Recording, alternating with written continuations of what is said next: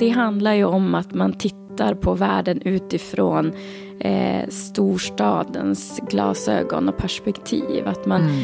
det är det på något vis, det är det som är det normala. Staden är det som folk vill bo i, kan bo i, det, det är det vi utgår ifrån. Och då blir landsbygden det andra, eh, det som är avvikande, mm. det man åker ut till, det som är lite konstigt. I nästa avsnitt av Glesbygdspodden så gästas vi av ingen mindre än Therese Bengard, verksamhetschef för Hela Sverige ska leva. Vad är det som gör att hela Sverige inte lever på samma villkor?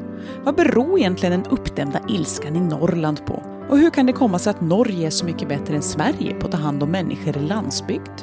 Det är där jag tror också att folk blir arga. Mm. Det här är skattepengar.